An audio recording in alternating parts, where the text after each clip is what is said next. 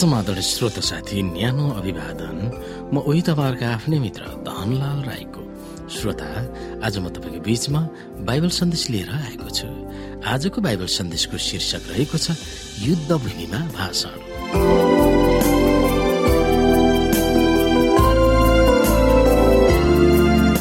श्रोता पावलले एफिसीको पत्रको निष्कर्ष एफिसी छ अध्यायको दसदेखि बिस फर्किने शैलीमा लेख्दछन्। आज हामीले पनि महान विवादको चलखेलमा होमिएकोले युद्ध भूमिमा हामीले पनि उठाउनु पर्ने चर्को आवाजको अर्थ के हो हामी हेर्न सक्छौ यहाँ दसदेखि।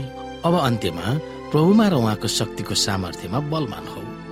दियावलसका युक्तिहरूको विरुद्धमा खडा हुन सक्नलाई परमेश्वरका सारा हात हतियार धारण गर। किनकि हामीहरूको युद्ध शरीर र रगतको विरुद्ध होइन तर प्रधानताहरूका विरुद्ध शक्तिहरूका विरुद्ध वर्तमान अन्धकारका सांसारिक शासकहरूका विरुद्ध र स्वर्गीय स्थानहरूमा भएका दुष्टाइका आत्मिक सेनाहरूका विरुद्धमा हो। यसै कारण परमेश्वरका सारा हात हतियार उठाओ र यसरी खराब दिनको सामना गर्न सक र सबै काम गरेर खडा हुन सक्ने हो। यसकारण आफ्ना कम्मर सत्यले कसेर धार्मिकताको छाती पाता लगाएर खडा हो। र खुट्टामा मिलापको सुसमाचारको जुत्ता लगाएर तयार हो। साथै विश्वासको ढाल उठाओ जसबाट तिमीहरू दुष्टका सबै अग्निबाण निभाउन सक्नेछौ। मुक्तिको तोप लगाओ र पवित्र आत्माका तरबार ल्याऊ जो चाहिँ परमेश्वरको वचन हो। सारा प्रार्थना र निवेदन साथ सबै समय पवित्र आत्मामा प्रार्थना गर। यस उद्देश्यले लगनशील र सतर्क भएर सबै सन्तहरूका निम्ति प्रार्थना गरिरह। मेरो निम्ति पनि प्रार्थना गर कि जब म आफ्नो मुख खोल्छु तब मलाई वचन दियोस्। म निर्भय साथ सुसमाचारको रहस्य घोषणा गर्न सकु। जसको निम्ति म साङ्लाले बाँधिएको एक राजदूत हुँ र जसरी मैले बोल्नु पर्ने हो त्यसरी म साहससँग बोल्न सकु। श्रोता अन्धकारका दुष्ट फौजहरूसँग युद्ध गर्न चर्च र विश्वासीहरू बलवान भएर खडा होस् भनेर आह्वान गर्दै उनको एफिसीको पत्र अन्त्य गर्दछन्। परमेश्वरमा सशक्त हो। यो भन्ने अर्थीबाट पावलले आफ्नो आग्रह सुरु गर्दछन्। परमेश्वरका सारा हात हतियारहरू सुसज्जित होस् भनेर उनले आफ्नो आह्वान दोहोऱ्याउँछन्। विशेष लक्ष्यलाई औल्याउँदै पावलले आह्वान गर्छन्। शैतानका युक्तिहरूको विरुद्धमा खडा हुन र शैतान र उसका दुष्ट शक्तिशाली आत्मिक फौजहरूसँग युद्ध गर्न अस्त्रहरू भेर्न कुन किसिमको अस्त्रहरू भेर्नुपर्छ भनेर उनले विस्तृत रूपमा बताउँछन्। युद्धमा निडर भएर खडा हुन विश्वासीहरू परमेश्वरको सम्पूर्ण हात हतियार भेर्नुपर्छ।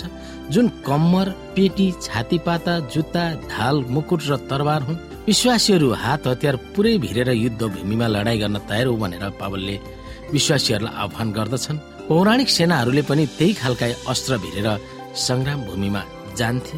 युद्ध भूमिमा साहस बढाउन प्रार्थना गर भनेर पावलले आग्रह गर्दछन्। पुरानो करारमा युद्धमा जानुभन्दा अघि राजाले युद्धको निम्ति भाषण गर्दथे।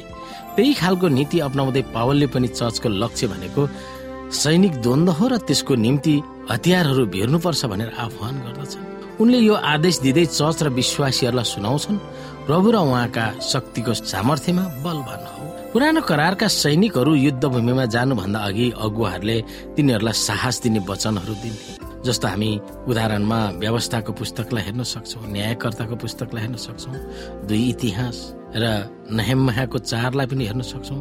ती साहस दिने वचनहरूमा इजरायलीहरूको युद्धको सफलता तिनीहरूको बल र आफ्नो हतियारहरूमा होइन भनेर उल्लेख गरिएको हुन्थ्यो। किनकि शत्रुहरूको हतियार र सैनिक नीतिहरूको भन्दा धेरै हुन्थ्यो। तर तिनीहरूको विजय परमेश्वरको उपस्थिति र शक्तिमा भर पर्छ भनेर सुनाउँथ्यो। युद्ध भूमिमा हासिल गर्ने सफलता आत्मस्वाभिमान वा आत्मबलमा होइन तर परमेश्वरको शक्तिमा अटल विश्वास राखेर उहाँद्वारा नै सफल उपलब्ध गराउने शर्थमा हुन्थ्यो ती विषयवस्तुहरूलाई प्रयोग गर्दै पावलले एफिसीहरूलाई अथवा विश्वासीहरूलाई यो अर्थी दिन आँट गर्दछन्। चर्चको लक्ष्य र कार्यक्रममा सक्रिय भएर अघि बढ। तिनीहरूको जीवन र गवाईलाई प्रभाव पार्ने अदृश्य आयामप्रति चनाएको हो। तिनीहरूको सफलताको निम्ति परमेश्वरको प्रावधान प्रति सजग हुनु र विश्वासीहरूको बीचमा जहिले पनि एकताको सूत्रमा रहनु जसले गर्दा शैतानसँगको युद्धमा एकजुट हुन सकिन्छ। हाडछाला भएको मानव प्राणीसँग हाम्रो युद्ध होइन भनेर पावलले हामीलाई फेरि पनि दोहोऱ्याउँछन्। तर हाम्रो युद्ध भनेको अदृश्य अलौकिक शत्रुहरूसँगको हो।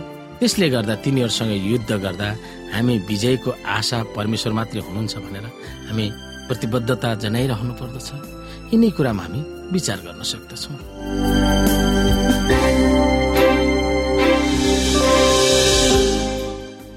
श्रोता आजको लागि बाइबल सन्देश यति नै।